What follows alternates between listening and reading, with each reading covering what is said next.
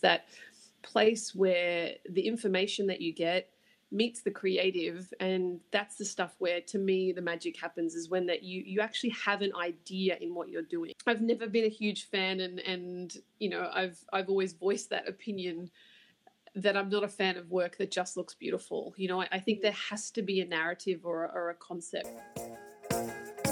I'm your host brianna and you're listening to the living creative podcast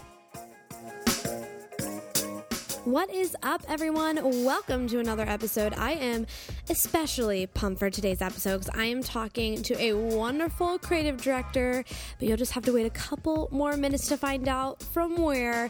But you guys, I'm just so excited. So before we jump into that interview and today's podcast topic, I just want to talk to you about three things you can quickly do for me to help me spread the word about this podcast. Now, if you listen to us every week, you know these three things. Feel free to fast forward. I don't want to bother you anymore. But if you're new here, you guys, three easy things you can do for me. It'll take you a whole two minutes of your life. One, subscribe to the podcast on whatever platform you're listening to us on, whether that's iTunes, Google Play, Spotify, whatever it is, subscribe. Number two, leave us a review, whether that's a star review or a written review. It would be much appreciated. These reviews help boost the visibility of the podcast on these platforms. And I love to see what you guys have to say about the podcast, honestly. I've been enjoying reading reading some of your reviews on iTunes. So thank you, thank you for those of you that have done that. And if you haven't done that, uh, get on it, guys, because it'll take you five seconds and it'll be helpful to the pod. And the last thing you can do, which is super easy, is share the podcast. If an episode you really love or relates to you, share it on your social media. If you know somebody and you're like, oh my gosh, they need to hear this person's interview, send it to them, to your fam, to your grandma. I don't care. Just share it with the people you know and love. Okay, now that we've got that housekeeping out of the way, you guys, today I am honored and privileged to bring to you an interview with the wonderful creative director from HelloFresh, Jodi Edwards. Now, Jodi is actually born and raised in Australia, but moved here about six years ago to New York City to follow her creative dreams.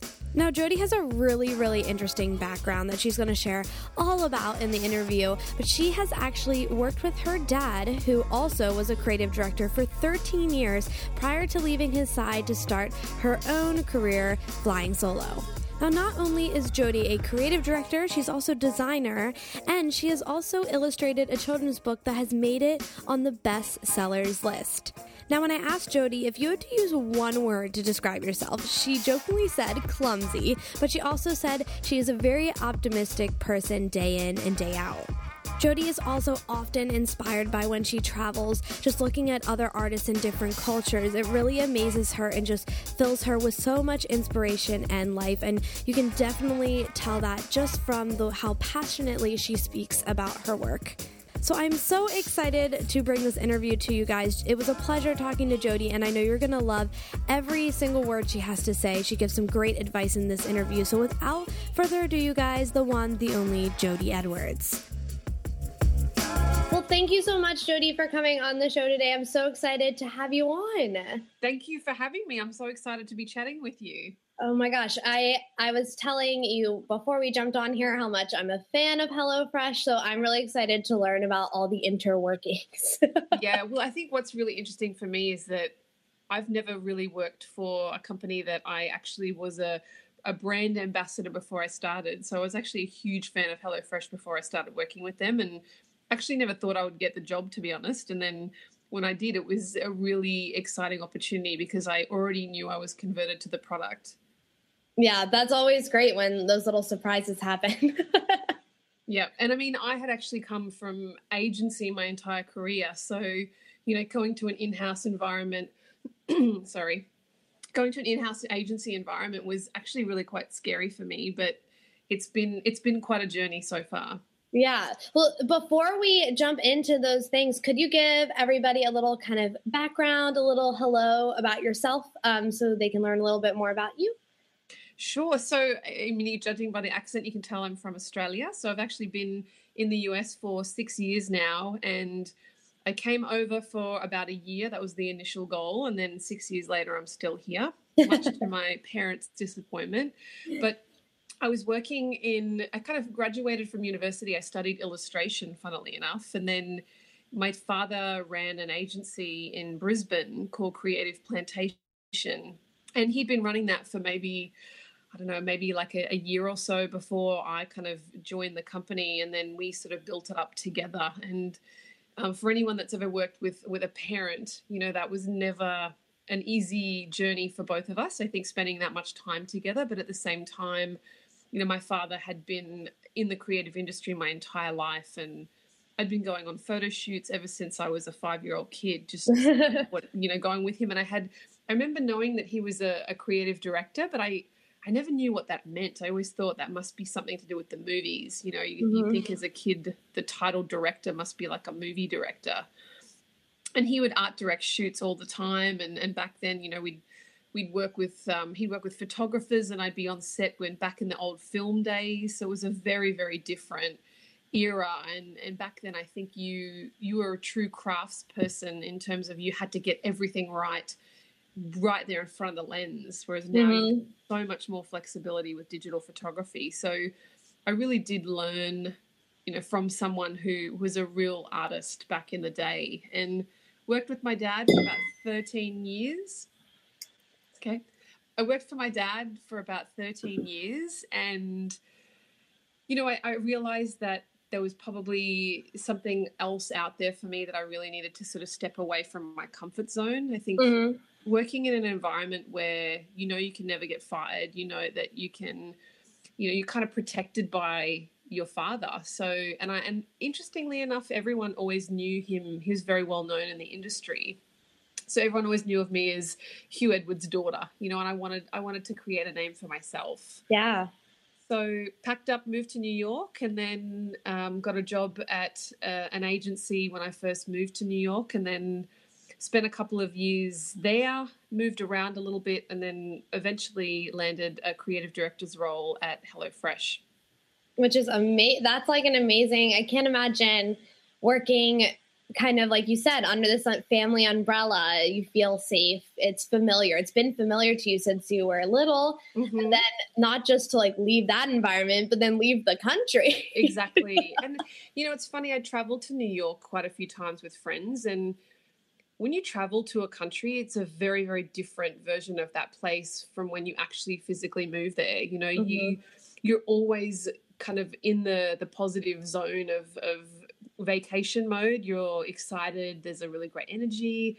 You're surrounded by friends, and then you eventually know you're going home. And when you actually find the courage to move to another country, and and America is really far from Australia. It's about a 24 hour flight from door to door so it's wow. it's a big distance, and I think it's like a 15 hour time zone difference too. So oh my gosh, you know, even when you talk to someone back in Australia, they're going to bed when you're getting up. So it's it's a it was a big it was a big disconnect for me to move from there and not have that that kind of connection to my family when I needed it at any time. Right. And in a city like New York that's so huge, you can actually feel really lonely quite often, mm. surrounded by so many people, but you feel really really kind of isolated because everybody here is is got their own stuff to do yeah yeah i love i love new york but i do always get the impression that everyone's on their own mission mm-hmm. get out of the way yeah and you know when i moved to new york i'd never had a job interview in my entire life so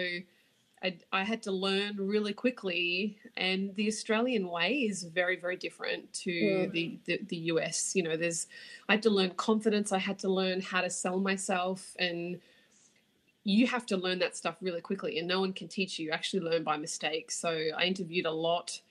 Um, I actually was really, really naive and brave at the same time. Is that I didn't know who to kind of reach out to. So I actually went onto the AIGA website and started mm. to look at work that I liked by people in, in New York. And that kind of led me to people like Stefan Sagmeister and Debbie Millman and Matteo Bologna and um, what was his name? Um, James Victore, I think that's how you say his name. Yeah. But I reached out to all of these people and said, "Can I grab a coffee with you?" Not even knowing how kind of well known they were. and and all of them said yes you know and I, and I remember reading something somewhere that you should always just reach out to these people who are really high up in their field because people always go to their pa or go to someone two or three rungs below thinking that's how they'll get to them and no one ever reaches out to those people anymore so yeah i reached out to all of them and i said hey can i meet you for a coffee and each one of them was so responsive and, and some of them ended up being interviews some of them led me on to somebody else like it was such an amazing experience. And then, you know, a year or so later, when I actually worked out who these people were, I couldn't believe that I had so brazenly reached out to these people and had coffees in in some of their kind of lounge rooms. You know, it yeah, was surreal. That's amazing. I imagine you starting your first shop and be like, "Oh yeah, I had coffee with her," and everyone be like, yeah. "What?" you had coffee yeah. with Debbie Millman? yes, it was really, really amazing. So that is amazing. You know, sometimes those those kind of you know beautiful naive moments are the ones that sort of stick with you forever and and that's kind of I mean, I wish I still had some of the courage now that and, and that knowledge that that or naivety that I had when I first got here, because what they say is you, you sometimes you you don't know what you don't know, and that can actually be a blessing in disguise. Oh yeah, and I mean that is such a great way to approach things. You know, I think possibly if you knew who those people were and they were kind of Hollywood status in the design world, you might have never you the thought in your mind probably went like, well, they're never going to meet with me. And instead of you know not not reaching out, you did, and I mean, you didn't know who they were at the time, but still, like you gained, you, like you said, it led to other things or to interviews or other places. And I mean, that is just like also an amazing story. Yeah and and i think you know i still remind myself of that now occasionally when i want to speak to somebody i was just before i was about to go into an in-house environment i actually reached out to another guy that i had met when i had just got here he was working with brian collins and he's now the executive creative director of chobani and mm. uh, leland and i and i really was amazed to see him do this leap from agency into in-house. And i and i sent him a, an email and i said hey can can we grab a coffee? And you know surprise surprise he said yes. And we had a really big chat and he actually ended up being the main reason that i decided to explore an in-house role because he talked to me a little bit about this idea of the, the ability to build something and that really resonated with me this idea of you know, having a job where you can evoke change. And that's always been something that I've been drawn to is working in places where you can actually go in and make a big difference. You know, yeah. working in a well oiled machine has never excited me because that's kind of the easy stuff. Working on really big, famous, well known accounts with big budgets, that's not where you can often have the most success and create the best the best projects. So I've always gone for the difficult projects. I've always gone for, you know, something that is the, the road less traveled. Right. And speaking of that, just kind of the way you work creatively, let's just backtrack just a little bit. Like you mentioned that obviously your dad was a creative director, so you're around it your whole life pretty much. But when did you kind of discover, like, okay, I know my dad does this, but I want to go this creative pathway too? I mean, I think as a little kid, I was always interested in drawing. I mean, I rarely was seen without a pencil in my hand, and I was always naturally kind of a curious child. I think I was probably a little bit quirky now that I look back. um, but I think I was always just interested in anything kind of creative.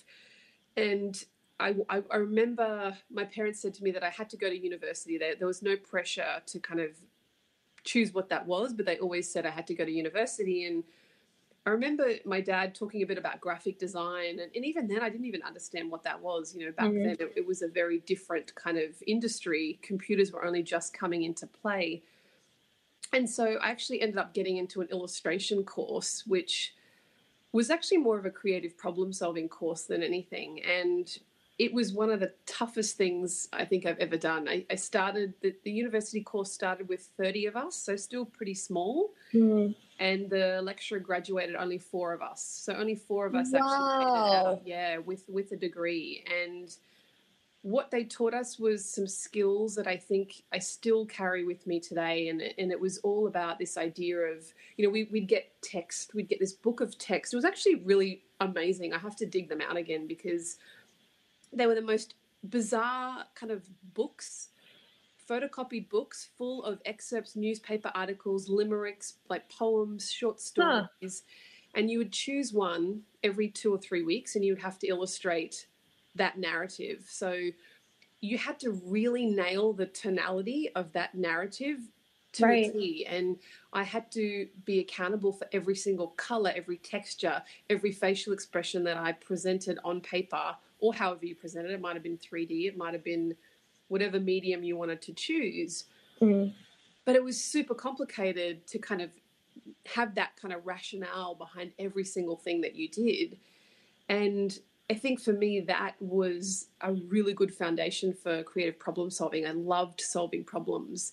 And I think coupled with that, the idea of becoming a creative director was never really, I think, the the goal. It was probably more of a a natural interest I had in in being a leader. I've always loved helping people and in any agency I've ever worked at, you know, I was always curious, you know, what are you working on? I always talk to people about what they're working on and having, having them share where they're at and saying, you know, if they've got problems, I love to sit there and, and nut them out with them and talk them through. And I think that kind of ended up continually pushing me in my roles into the next level. You know, it wasn't mm-hmm. like I sat down and ever said to an employer, you know, what's my career trajectory? I think you have to be the master of that journey yourself. You have to want it. And yeah. and it's not for everyone because, mm. you know, as you become a creative director, you step away from the tools and I'm not creating anymore. Right. And that was the hardest thing for me because I love making things. Yeah. So you have to be able to pull that vision out of somebody else and you have to work with so many different personalities. There's no two ways that you have to approach a person. Everyone is different. Yeah. And so I think being a, a kind of chameleon and I guess a little bit of a psychologist are, are two of the extra ingredients that you needed. So I know that was probably a very convoluted response to that question, but yeah, it was never it was never the goal. I think to be a creative director. Yeah, it kind of just, just naturally. Yeah, it just kind of happened, and yeah. and I kind of love it. That's perfect. I mean, I find that a lot of the times I I talk to people, um, for example, uh, Paul Trani from Adobe, um, and he same thing went to school for illustration and just kind of found himself naturally rolling mm-hmm. into design and then has led him to um, being the main ab- ambassador for all the tools designers use. It's it's just crazy how um, you can kind of have an idea of where you want to start but where you end up is not necessarily where you thought you were going to at the beginning but it just is an, a natural thing that happens yeah, and I mean, I think it's always interesting when I put on my resume that I have a bachelor of visual arts. You know, people sort of think, "What? How did how did you get from there to there?" But what's really interesting with illustration is you learn all about composition and you learn about um, you know higher visual hierarchy and all mm-hmm. of those sorts of things that really do come to play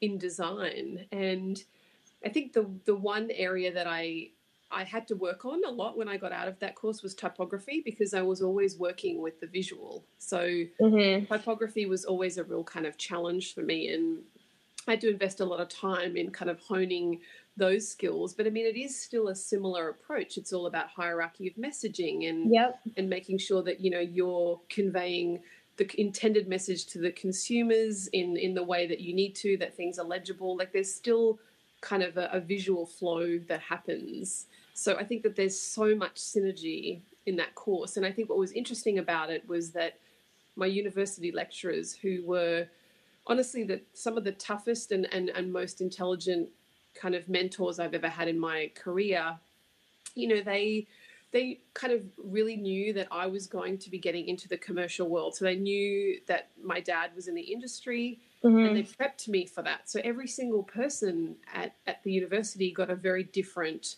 kind of journey right of, of, learning it wasn't just a blanket one size fits all approach for everybody they knew that i needed to be commercially ready and commercially viable when i got out of that course so they started to set me up for success quite early on for the, in, in that way and, and that was a, a frightening and enjoyable experience yeah i think um, i remember when i started uh, art school um, and i was in going in the graphic design track, but the whole first year I didn't touch a single computer mm-hmm. or a single design program. And I kept thinking to myself, like, why? Like, why am I standing here for six hours drawing mm-hmm. boxes with charcoal? I don't need to know this. Yep. And then I finally get into my design classes a year and a half later, and I'm like, it just clicked. Like, oh my gosh. And that's what I think is so interesting. I find I'm not saying just because you don't have a design or art background, you can't be a creative director. But I've always find it so interesting when uh, I come across somebody who is heading up creative for a mm-hmm. brand or something, and they have no marketing background and no design background. My mind just is like, what? like how? How is it? Because those are such fundamental things, especially being a creative director, is knowing, being able to visualize what you what your client needs and what's going to work but also be able to lead everybody in that direction yeah and it is interesting because i have a lot more of a strategic kind of thinking approach to the work that i do as well which i think a lot of designers today do tend to focus way too much on their computer skills but you know a computer is a tool it doesn't mm-hmm. mean that that's how the idea has to come about the idea yeah. can come from anywhere and often these days because of the way that that social media is kind of evolved that is definitely how we view a lot of this content but it doesn't yeah. necessarily mean that's where it should start from and right more often than not to create the most unique content you should step away from the computer and really think about it and i think that's why you know agencies like sagmeister walsh have become so well known and they you know, no one can really kind of catch what they're doing because they're not trying to be like anyone else. They're never yeah. they've never tried to mimic anyone. They've always just done what what they know to be right or interesting or something they're passionate about. And I think that's what's kind of catapulted them to such an ownable space. Yeah. No, I totally agree. I love um I know I'm a huge fan of Collins, and I know when they start their projects, they don't even use any technology. They go mm-hmm. right into their library or um, and look at like what books and information on the topic. And I I always am like marvel at that because um, sometimes I wish I could do that too. um, but yeah, I think it's amazing. You'll find a lot of the places, a lot of the brands that are succeeding aren't necessarily trying trying to be the best. They're just doing what they think is is right. Exactly. I mean you should never ever set out to be the best right? Because that's how you end up being exactly the opposite. Yeah. So you know brian collins is is also a bit of a creative genius. He was someone that yes. i met when i first moved to new york as well. And you know he's a true creative and he's really passionate about what he does. And i and i think that that those are the kinds of people that that i admire as well. And i think you know he's he's not ever trying to replicate anything else. And i think some of the work that, that they've created too is hugely unique in the space. Right. Yeah i drool over every everything they do. I met him once and it was like ah. Oh my god. I met the design god. Like here he yeah. is. Um yeah it's just like amazing. But you mentioned that you you were at agency for a while and you took this leap to HelloFresh to be in house. And I know as a designer, everybody has their own opinions about agency life and in house yeah. life. So, what kind of made you take that leap?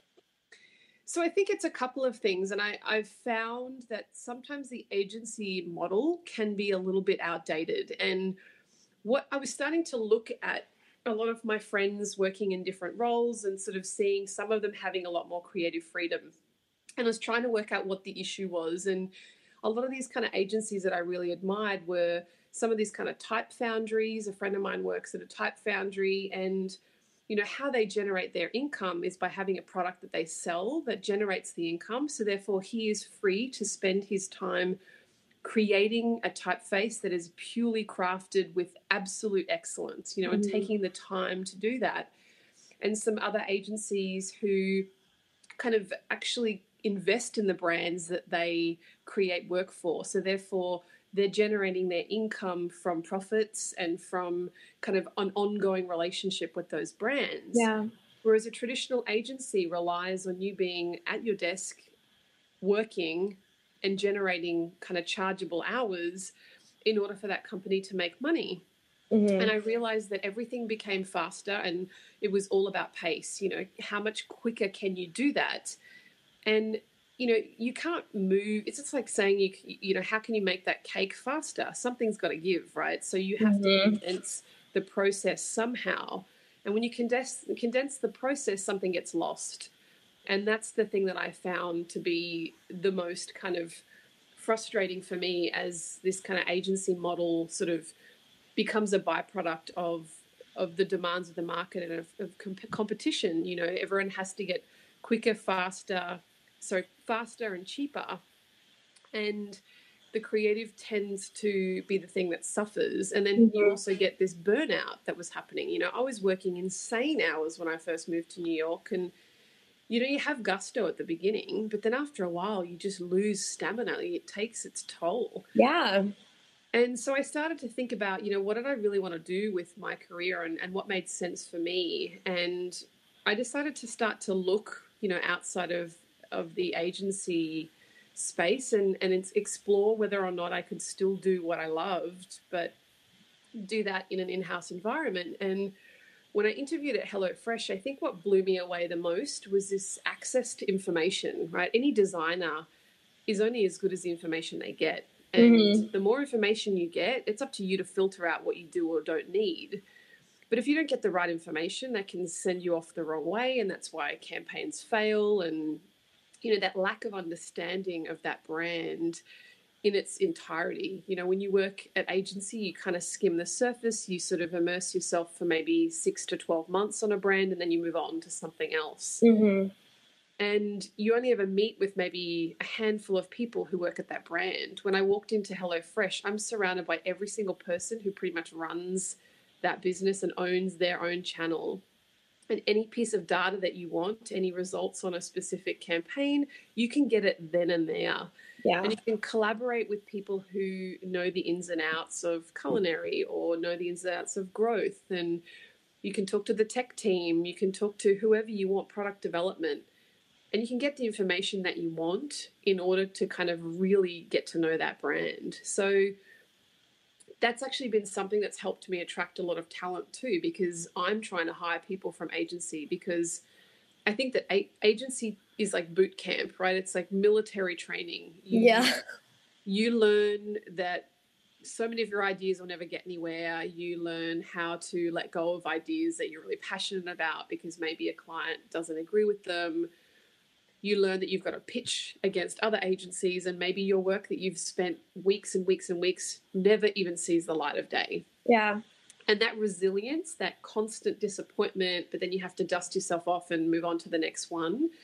I think that that builds something in you that is really, really appealing to me um, because when you do go to an in house environment, you have a lot more kind of creative control. You, mm-hmm. know, you don't have to deal with other agencies, you don't have to deal with timesheets, you don't have to deal with you know budgets so to speak. Uh, you don't have to deal with you know where the next project's coming from.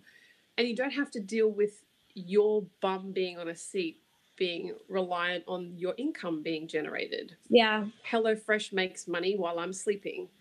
So you know that's kind of how it works. So it frees up the opportunity for you to be far more kind of creative mm-hmm. as long as you have the right team behind you and yeah um, the one thing I say to the people that do join the team is you also have to be really tough on yourself because there's something magical about the adrenaline that comes from the fear of your your idea not getting picked over another agency. Like mm-hmm. that adrenaline fuels something in you that that kind of healthy competition, and when you take that away, you have to find that fire somewhere else. Right.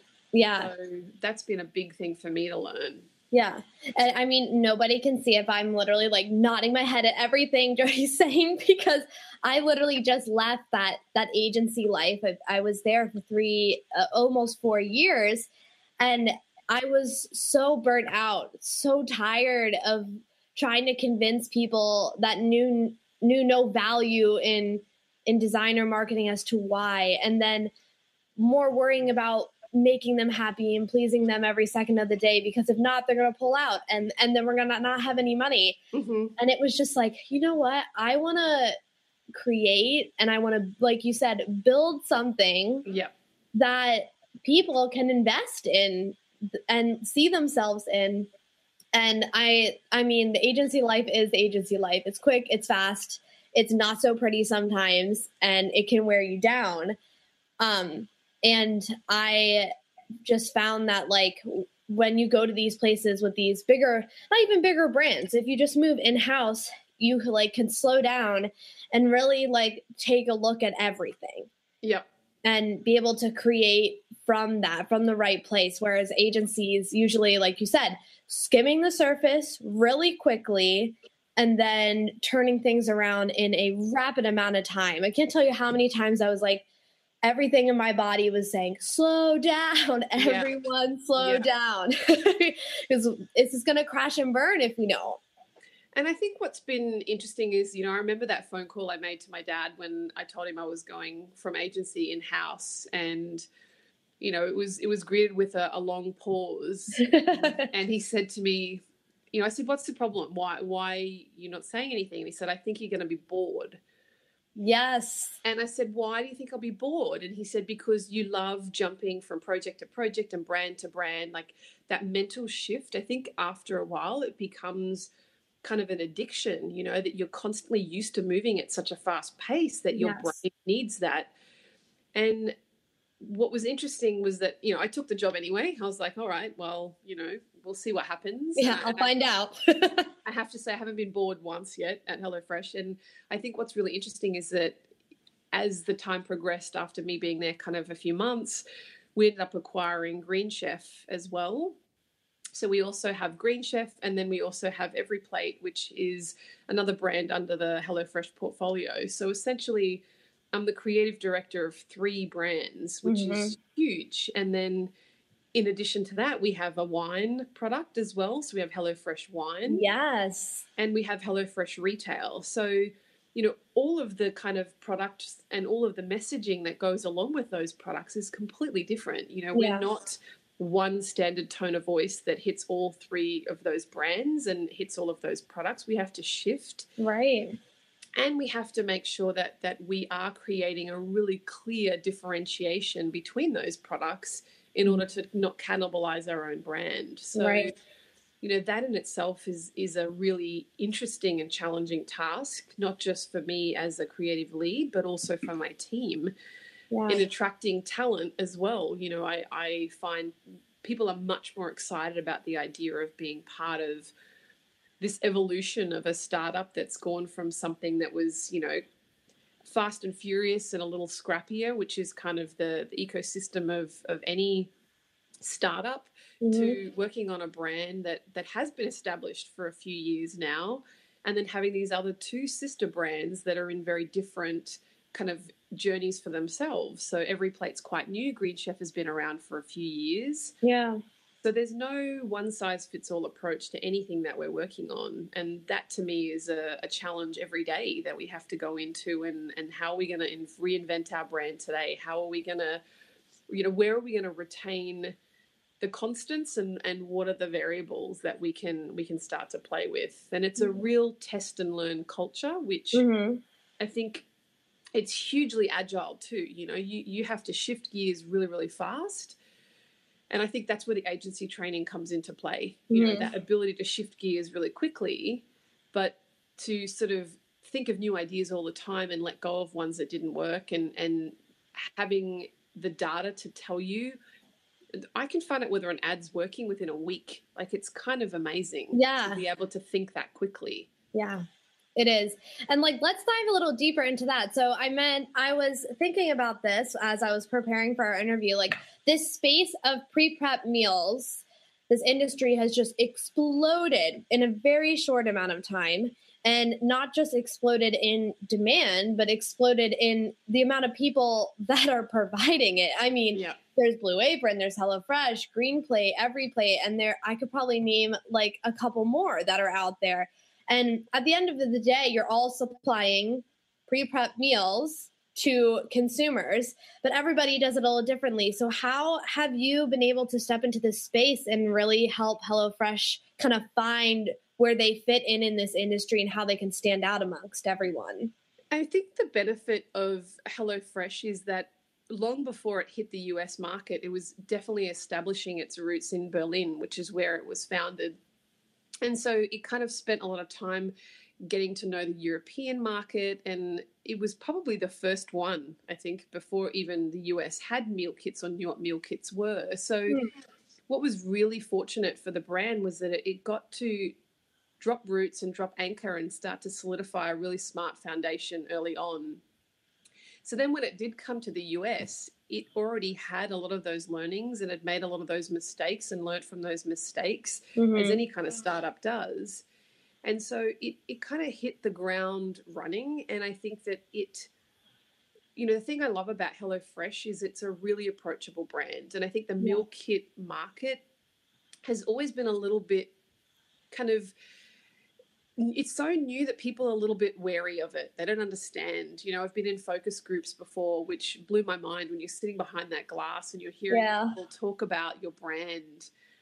And it was one of the most eye opening experiences because I remember hearing someone say, Well, how does the food even stay cold? I'm not going to buy that and have all my food kind of rotting outside. And I thought, wow, people don't even realize that as a brand, you've solved for all of those basic problems. Yet yeah. somehow we as brands haven't conveyed some of those basic messages to our customers. So you can mm-hmm. learn so much. I mean, you can learn, I say you can learn so much from focus groups. I try to take some of what I hear as, as gospel and some I, I kind of let go because I think you can kind of get stuck if you take it all on. But mm-hmm.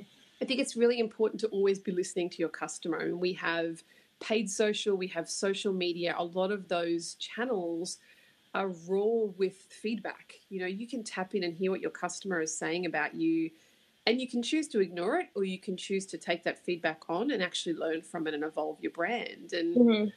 you know, HelloFresh doesn't ever stay stagnant. You know, we're not the kind of brand that says this is who we are, this is who we always will be.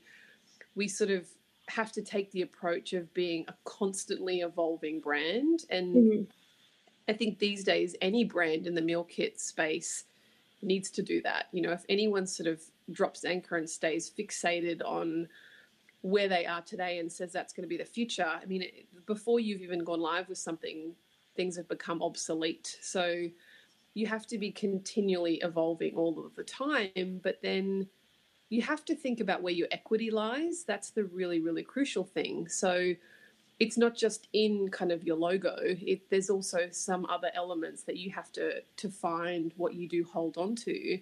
Yeah. And you've got to find what you can change. Like what stuff can you move on from? And I think that brands can become so in their own heads sometimes that they forget that customers don't know their brand the way they do and they don't really care about it the way they do. Yeah. So we also have to find ways to kind of build rapport with our customers and brand build and that's the hardest thing with meal kits have always been about direct response and you know offer driven customers yeah that that investing in our brand as well is also really really important and that's right. something that is harder to do because the return on the investment is much harder to track so you don't know how many people have bought into your brand mm. unless they come and click through from a from an ad and actually purchase your product Right. Yeah, it can be I've never thought of that actually in that way that it, it can be hard to to build that brand loyalty in those types of situations and then also to like track who who really is loyal to the brand and who is just showing up every couple months just to do it. And I think what's been really fun for me is is working for a brand that is considered a challenger, always was considered a challenger brand, and is now a market leader. You know, to come from behind and what that actually means for me as a creative and, and what it means for my team is that we can't be complacent anymore. We can't sit there and say, "Oh, we're we're number two," you know, we'll get there one day. Now yeah. that we're market leader, everyone's watching us and learning from us and waiting to see our next move. So you have to be continually evolving and, and coming up with something new all of the time. Mm-hmm. But also, I guess you have to be staying relevant to your customer and, and not kind of deviating too much and saying, oh, we're going to follow different trends because your customer may not be interested in trends. Like we we know who our customer is for each of mm. our brands, and it's important to kind of stay relevant to them at all times. Yeah.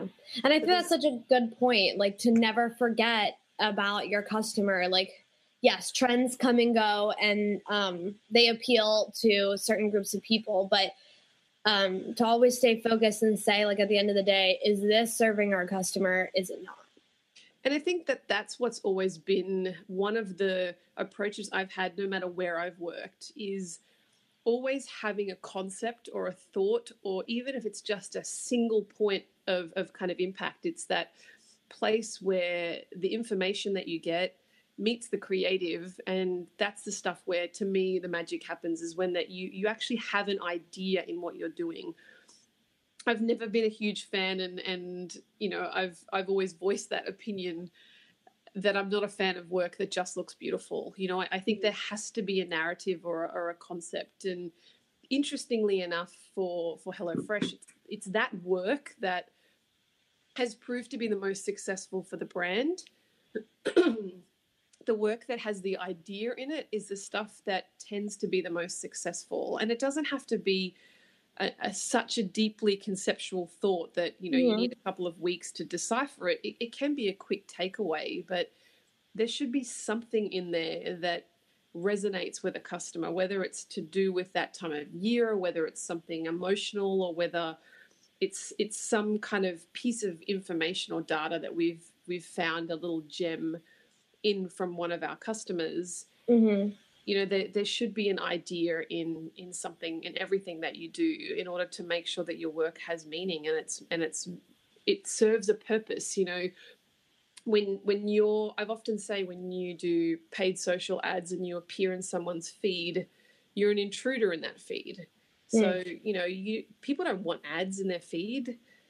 And that's that's that's the truth but then I think about my actual behavior and how many times those ads have converted me. Mm-hmm. I don't mean HelloFresh ads, I mean ads in general, because these days content can be catered to you. Yeah. And I think sometimes a lot of that kind of catering can be seen negatively, but I also see it as a real positive because things pop up sometimes. I'm like, oh, I actually do need that, or oh, that's actually really interesting to me. And mm-hmm the power of being able to create relevant content now that actually speaks to a customer that you want is huge. You know, yeah. back in the day when you do a bus shelter ad or a billboard, you had to hope that someone walks past and sees it and wants that product. But right.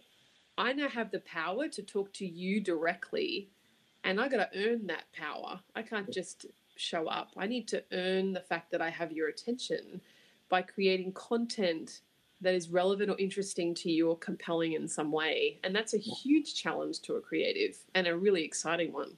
Oh, yeah. And of course, nowadays, I think they say you have less than a second as an advertiser mm-hmm. to grab someone's attention, whether that's on social media or television. You have less than a second. I mean, I can't think of anything more challenging. If I brought a bunch of people into the room and I was like, you need to grab my attention and make me stay in less than a second. Yeah. Go figure that out. The challenge is huge. And I think um, HelloFresh in in their branding, because I've gotten served their ads plenty of times. Yeah. Um, and uh, you guys are able to to make people stop and take a look at your stuff because it's appealing not just to the service you're offering, but it's appealing to someone's eye and uh, their daily life, which I think is such a hard task to try and like get all that together and impress you in less than a second. and that's where I think aesthetics do play a role, right? So, you know, the first thing you should have is an idea. And that's one of the things that the team and I work on really hard. So we partner up with the brand marketers. So each of the brands have a team behind them and we partner up with them. We sort of go through a briefing process and it's quite you know it's quite an in-depth process. And we sort of take their insights and their learnings and their kind of we, we partner with the, the growth team and the tech teams to find out what are the performance insights they can provide the team. Mm-hmm. and we take all of that back and then we we come up with some ideas and we pitch that back to the stakeholders and then from there, I mean, it is quite a complex journey actually, and it does follow very similar to the way it works in agency, but you do have that immediacy. So I think things can kind of work faster because in agency, agencies have other clients, so you, you know mm-hmm. you have to juggle all of that. We have we're all very much one track mind. And so from there, the team then start to, to they, we have our own photo studio, which is a phenomenal resource. We have yeah. a hugely, hugely talented photo team. We have one in Boulder for Green Chef, and we have one in New York for HelloFresh. And we have photos. Um, we have the photographers, the the prop stylists, and we have all the people in the kitchen prepping all of the food. Like there's so much that goes into it. Yeah. But the fact that we can have all of these people kind of coming together, we can really, really kind of push the aesthetics of what we do and partner that up with all of this information that we have and all of this data. And I think that's where you know we can have some success is that the work still has to be beautiful it still has to be appealing or impactful whatever our intention is for that particular message like if i think about you know key moments or key sales like black friday and cyber monday are crucial for a lot of brands now. Mm-hmm. and you think about how many offers you get served up on that day. It's kind of insane. So how do you connect with your kind of how, do, how does the customer connect or how do we connect with our customer at that time? How do we cut through all the other offers and have you choose us? So yeah. there's lots of different kind of behavioral shifts and kind of things that this is where it's those moments where all of your years of experience come into play. You know, it's wow. it's years of failing and succeeding all coming together in those moments. It's years of understanding human behavior and one thing I always try to do is to step out of my head as a creative and try and think of myself as a customer. Mm. You know, mm. what stuff impacts me? What stuff stops me in my tracks? Yeah. Because I do think when you're on social media, often you're really quite you know complacent. You're just skimming through. You're not really focusing on what you're doing. And when you think about what stops you even in your personal feed mm-hmm. uh, that kind of thinking has to be applied.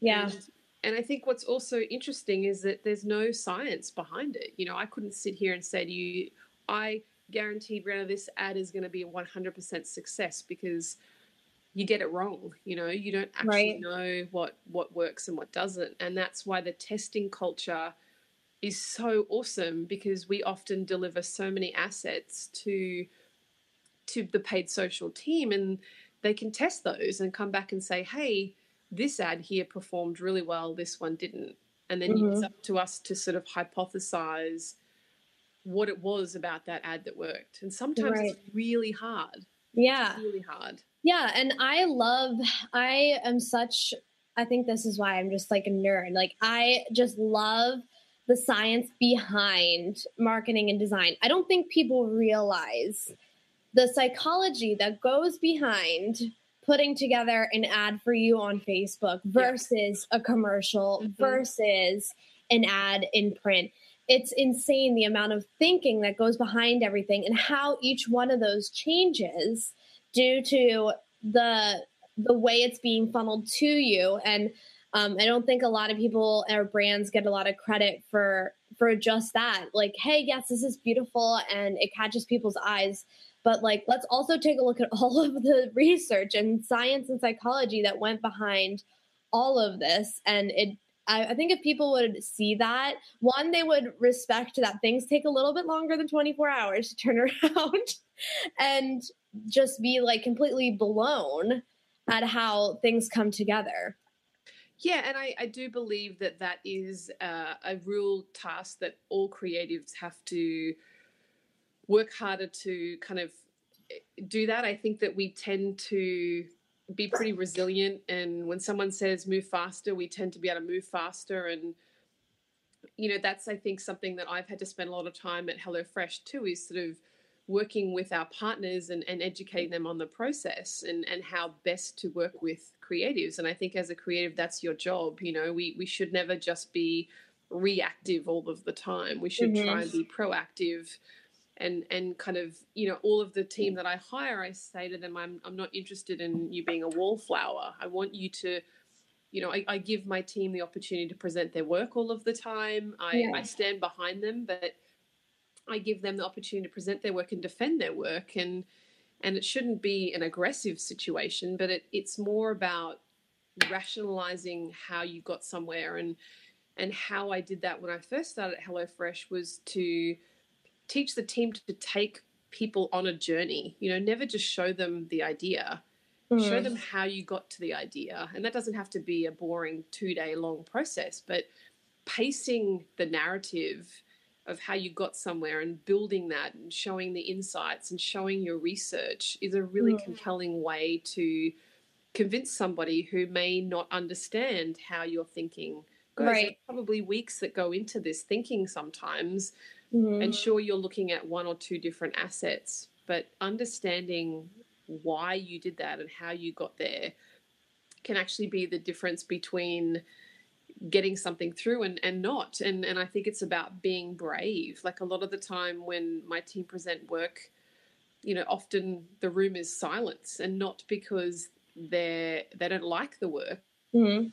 But they're kind of blown away by the possibilities that the team could probably or where we could actually take this brand. Yeah. And, you know, I always say to my team, never, never be afraid to put forward an idea. You know, try let's try it. You know I, I remember being on a phone call recently with someone from the the the, the prop stylist the photo team and she had an idea about something and, and over the phone call we do a review of all the recipes each week and everyone kind of was not interested in the idea. They didn't like the idea and she hit me up after saying oh what were your thoughts? And i said you know what? I couldn't really visualize or make a decision. I said why don't you do a test and let's have a look. Let's put it to the team right. next week and let's see. And maybe we'll all go no or maybe we'll say hey you're onto something. Mm-hmm. but i think it's always important not to kill off those ideas yeah. because you never know what that may spark. That may be something hey that doesn't make sense for this context but let's try it for something else. Yeah. So it's really important as a creative lead to not be an idea killer. Mm-hmm. um, but you should also make sure the team is not coming up with these pie in the sky ideas that right. don't make sense either, that are just wacky. I, I, I, see some stuff sometimes and I, I see that it's successful mm-hmm. and it's a little bit of a random idea, but I often wonder like what is the longevity of that idea? What was the outcome? Like was it right. just fun and interesting or did it actually return the intended result? And I, I emphasize the intended result because mm sometimes people say, oh, but we got a reaction. And a reaction is great. But what if the reaction was just free publicity or a bit of PR or people sharing it, but you you got to the wrong target audience and you converted no customers. Yeah. You know, the ultimate goal for HelloFresh is not just to get customers, but it's to keep them because the product that we're giving them is actually intended to make their life easier. Mm-hmm. So, you know, I think for me, if we can convert a customer who's the right customer, who then becomes a brand ambassador, then we've we've hit the nail on the head. Yeah, yeah, for sure. There's so many things that go into just like leading a team, and I can't imagine um, being the head of that ship and like having to really kind of lead a team, but also at the end of the day lead a brand in in the right direction. Um, and I mean, I'm sure I know you've been at HelloFresh and you were at a couple other places before this. Um, but what advice would you have for somebody that's looking to go maybe in house or maybe even go that creative director route? What would be some advice you have for them? I mean, I think as a leader, you should never be someone who works in isolation, right? You know, I always ask my team and every time they come to a presentation they present their work to me i always ask them where are you like what what idea and I say, don't come to the room without an opinion. I would love to hear what your thoughts are. And if, because a lot of what we do can sometimes come down to a tiny little subjective subjective opinion about you know do i like that that layout better than that layout and it doesn't really matter mm-hmm. i think it's important to learn when to care and when not to care and learn what to let go of and what not to let go of and yeah. I'll be honest, I've actually learnt how to be a good leader by the leaders I've had before me who've done mm. things that I didn't particularly like and that didn't get the best out of me. I think creative people are naturally sensitive people to an extent. You know, we put so much of ourselves into our work. And I think that it, it's quite an emotional job. You know, you do care about what you've created, and so Yeah. You have to be careful with how you provide feedback to people. So I think as a creative leader, I've actually learned to do the things that, you know, I've taken the good things from the people who I've admired and I've chosen to remove the things that that made me kind of I think held me back in my career. I think it's really important as a leader to not be afraid to elevate others around you Mhm. you know i'm only as good as the work that my team create and i think sometimes people can be afraid of that. They can fear the talent of those around them. So i think it's really important not to be afraid of that and know that there's always going to be people. I, I would rather surround myself with the best people and have them kind of work with me. And, and i'm really collaborative. I think it's really important as a creative person to share your ideas and run things past people. I don't i don't care if i'm talking to a junior designer or the ceo of the company. I have the same approach with both of them uh, i don't think you should you should not speak to somebody more junior than you just because you think they're starting out i think they they should always learn to have a voice from a very very early stage in their career Yeah. and then I think advice to someone wanting to go in house. You know, I think if if it's a brand that that you really enjoy, fantastic. But I think someone told me recently uh, a really good. Uh, he was he used to be a client and he's now become I think more of a personal friend and a mentor. Jeff, that I worked with in one of my previous agencies, and I remember he said to me, you know, you should you should never work for the company you want to work for. You should work for the boss you want to work for. And I I found that to be the most inspiring thing that I think I heard in 2018. So, you know, I think it's really important that you should work for somebody who inspires you or you hear something in the interview process that you feel kind of resonates with you because you know, I've always said you make the work what you want it to be. You know, when I arrived at HelloFresh, I could have gone with the work that they had and continued on, or I could have overhauled it. I think you can take a boring project and you can make it into an award winning project. You can Yeah. take a small budget project and have it be a huge success. And I think many brands have proven that. So it's got nothing to do with the environment. It, it's it all comes back to the person, and it's important to work for someone who motivates you and that pushes you in the right way. I'm tough with my team when I need to be tough, but hugely lenient when I need to be lenient. So Yeah. I think that that it's that push and pull that gets the best work out of people, but making sure that your team feel confident in themselves and that was something I think I lacked a lot of confidence when I first started out. And I Mm. I remember my dad we'd be on the way to a meeting and in the car he say he'd say to me, You're presenting the work today and we'd have this big fight in the car about it. I'm like, I'm not doing it and he'd say, Yeah, you are. And I, I just because I remembered every time I'd listen to him in meetings, he just he just seemed to have the answers all the time. Yeah. And when I was first starting out, I didn't feel like I had all the answers, and I was always worried of getting tripped up and embarrassing myself. Hmm. But I think what someone said to me when I first moved to New York and I did a presentation, and I remember thinking, oh, that was horrendous.